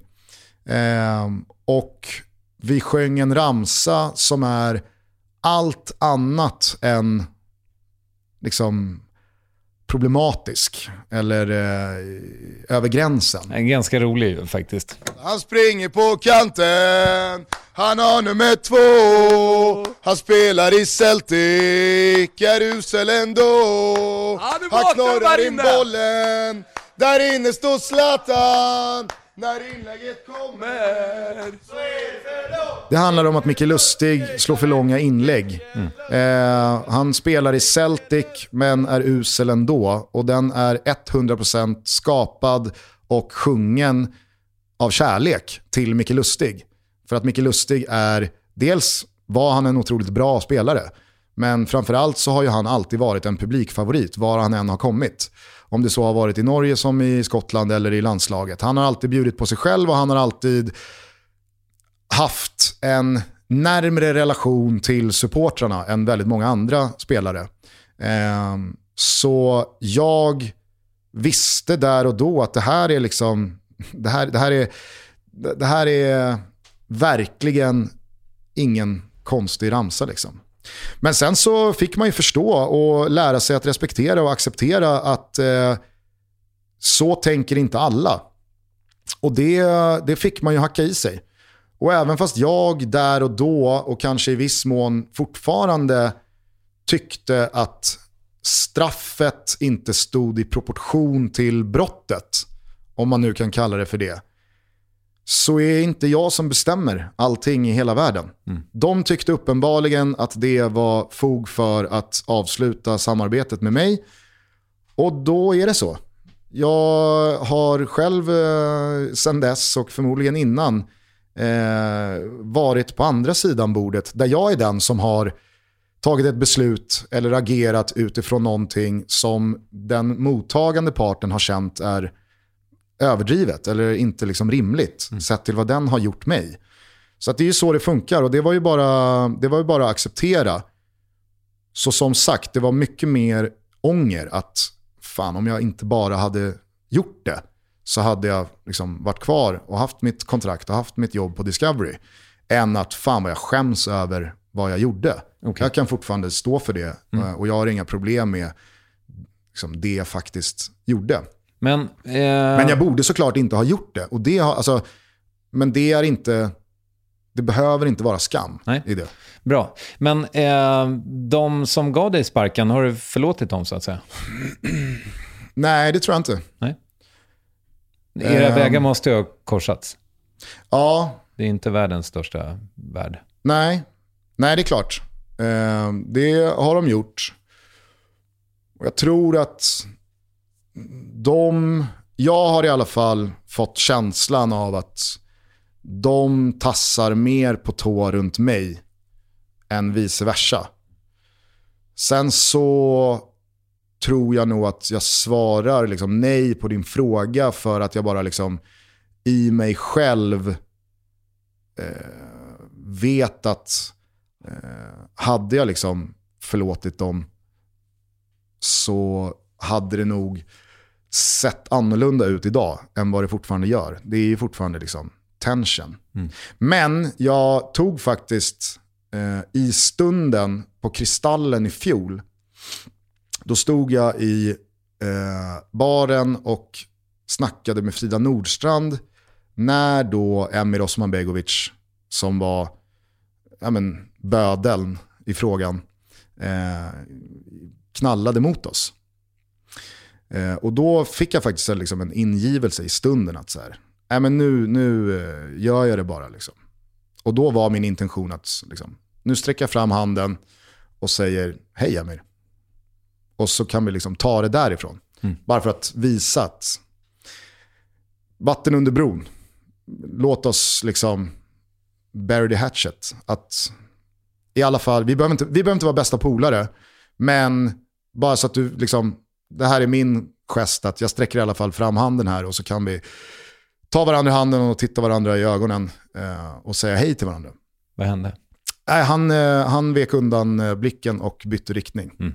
Eh, så att jag får väl se när nästa tillfälle ges om jag har samma ingivelse-vibe i, i kroppen. Men eh, det har aldrig varit närmare i alla fall. Mm. Du, ehm, jag gissar, eller jag behöver inte gissa, jag, jag, förstår att du har tjänat väldigt, väldigt, väldigt mycket pengar på den här podden genom åren. Liksom. Mm. Ehm, hur har det påverkat dig?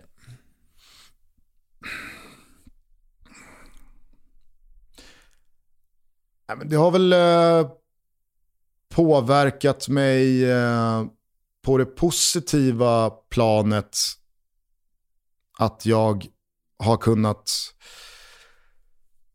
eh, bo bra, flyttat till större på en i min värld väldigt nice adress och trevlig lägenhet. Jag har kunnat köpa ett landställe i Roslagen. Jag har kunnat eh, köra en eh, bra bil. Jag köpte en båt nyligen. Eh, jag har kunnat eh, semestra. Jag har kunnat gå ut och käka när jag velat det. I övrigt så splashar jag inte speciellt mycket cash på klockor eller smycken eller kläder eller skor eller ja, vad det nu kan vara. Alla de där grejerna får du uppenbarligen gratis, så det är kanske inte så konstigt. Nej, jag, jag inte, jag får inte så, nej, det, det, det, ah, okay. det stämmer nog inte riktigt. Um, sen är det klart att vi har haft perioder med Toto Balutto som har varit liksom gynnsamma rent sponsmässigt i Natura eh, kring vissa samarbeten. Men eh, i övrigt, precis på samma liksom, not att jag inte försöker gå före i kön för att jag heter Gusten Dahlin och gör det jag gör. På samma sätt så har jag liksom aldrig aktivt sökt mig mot sponsgrejen för att få massa saker. Um, men eh, nej, så det, det, har väl, det har väl påverkat mig positivt i alla de aspekterna och pengar är ju en jävla frihet, i synnerhet i de tider vi lever i nu. Uh, men lite på det temat så har det väl också påverkat mig med ja, men en del skam också.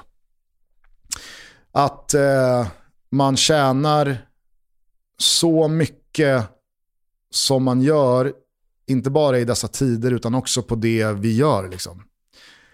Det är inte, även fast, även fast liksom, mamma och pappa inte på något annat sätt eh, än att glädjas med mig eh, och unna mig och stötta mig har reagerat på liksom den ekonomiska aspekten så är det ju inte så jävla kul att berätta för sin farsa som har varit lärare, det kanske mest otacksamma yrket som finns i det här landet,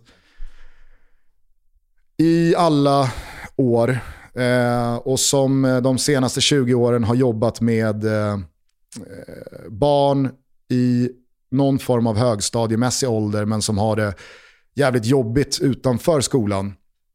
Eh, och som behöver extra stöd och som inte har haft det speciellt lätt för sig i livet. Och att han liksom har dedikerat sitt liv och sitt yrkesliv till sådana barn för att göra den skillnaden och att då liksom veta att man tjänar så mycket mer på att prata om fotboll. Lite på volley, lite utifrån liksom vad man själv känner för den dagen. Med en god vän två timmar i veckan. Det är inte, jätte, alltså, det är inte jättebekvämt. Eh, och som sagt, jag vet att pappa och mamma är liksom skitglada för min skull. Mm. Eh, men alltså, det, det, man har ju koll på varandra liksom. Och det är väl klart att alla gläds inte med ens framgång. Vissa kanske försök, försöker liksom visa att man är glad, men det kanske innerst inne finns en avundsjuka eller en missundsamhet eller jag vet inte, någonting förändras väl också i vissa vänskapsrelationer när man låter det bli en, en grej. Eh, så att eh, det är 0,0% synd om mig eller oss som tjänar stora pengar på sådana här jobb. Eh, men jag svarar bara på frågan hur det har påverkat den. Mm. Eh, men du, eh, jag brukar ibland fråga mina gäster vad de ser fram emot. Du, om allting går som det ska så blir du farsa i oktober. Hur känns det? Det känns eh, mäktigt. Mm. Det känns jävligt mäktigt. Eh, det är du är... rädd? Nej, rädd skulle jag absolut inte säga att jag är. Eh, däremot så som jag har antytt ett par gånger så gillar jag att ha kontroll. Jag gillar att sitta bakom ratten. Jag gillar att det blir som jag vill att det ska bli. Mm. Eh, så rädd kanske är fel ord, men eh, det finns en skräckblandad förtjusning i att allt det här blir väldigt mycket på ett sätt som inte jag kan styra över. Eller förbereda mig på.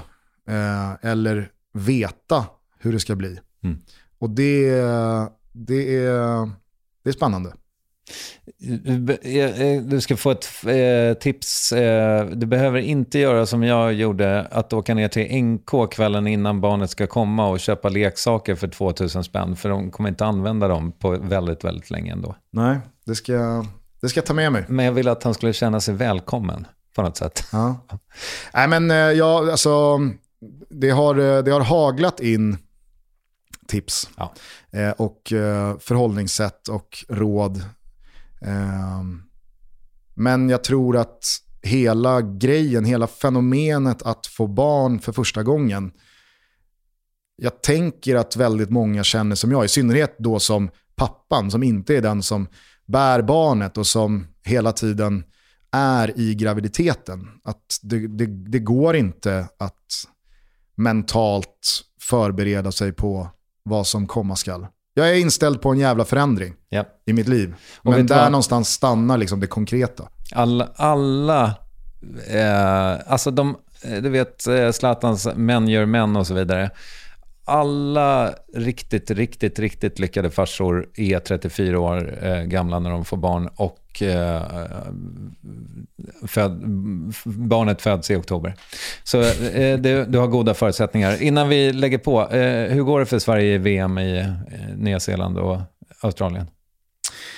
Sjätte plats, gissar du. ja, just det. Det är det svenskaste vi har att benämna ett uttåg i kvartsfinalen som att man kom femma. det, är, det är ett väldigt svenskt förhållningssätt. Nej men eh, kvartsfinal eh, är väl någon form av eh, skamgräns. Mm. Därifrån så kan det gå precis hur som helst. Och just nu ser det ju faktiskt ut som the future is female i svensk fotboll. Verkligen. Eh, hade, hade man kunnat köpa aktier i liksom damfotboll som fenomen så hade jag gått all in. Mm. På tal om att gå all in mm. eh, i damfotboll just nu. För att jag tror att den svenska fotbollen och fo damfotbollen i stort eh, kommer, i alla fall här, här, hemma i Sverige, vara det som liksom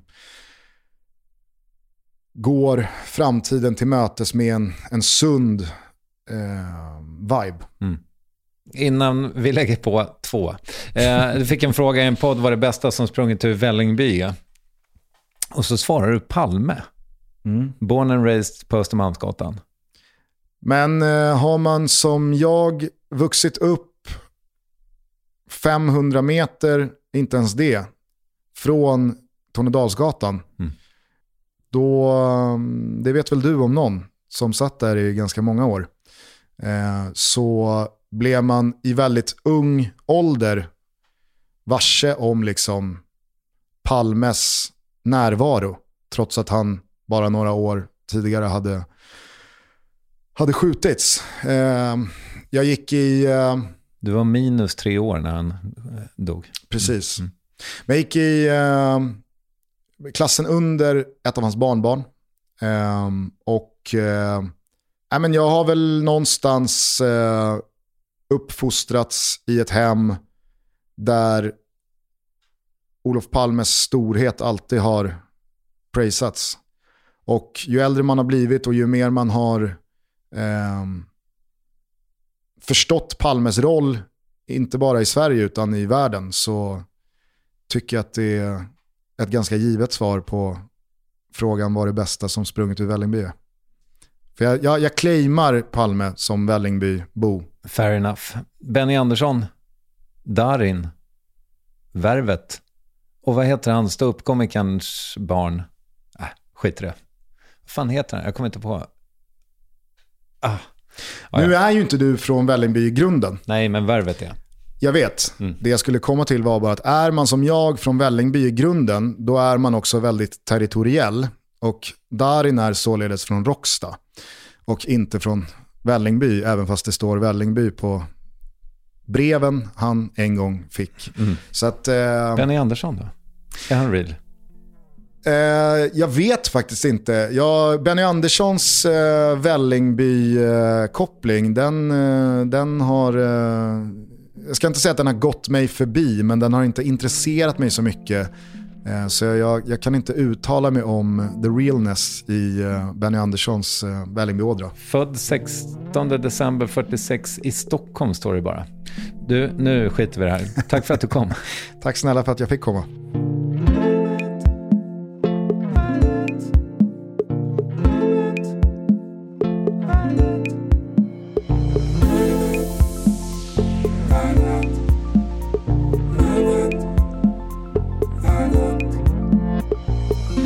Ni minns kanske att jag en gång i tiden gjorde ett stort nummer av att säga att livet är för kort för sport. Nu lyssnar jag slaviskt på Tutto Balutto. Det såg jag inte komma kan jag säga. Jag får tacka min bonusgrabb Salvador för fotbollen. Och med det tackar vi för idag och med vi menar jag som traditionen bjuder Ninni Westin, Kristoffer Triumf och Acast. Vi hörs om max en vecka föreslår jag.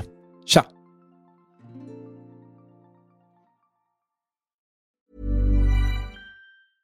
Even when we're on a budget we still deserve nice things. Quince is a place to scoop up stunning high-end goods for 50 to 80% less than similar brands. They have buttery soft cashmere sweaters starting at $50, luxurious Italian leather bags, and so much more. Plus, Quince only works with factories that use safe, ethical, and responsible manufacturing. Get the high-end goods you'll love without the high price tag with Quince. Go to quince.com/style for free shipping and 365-day returns.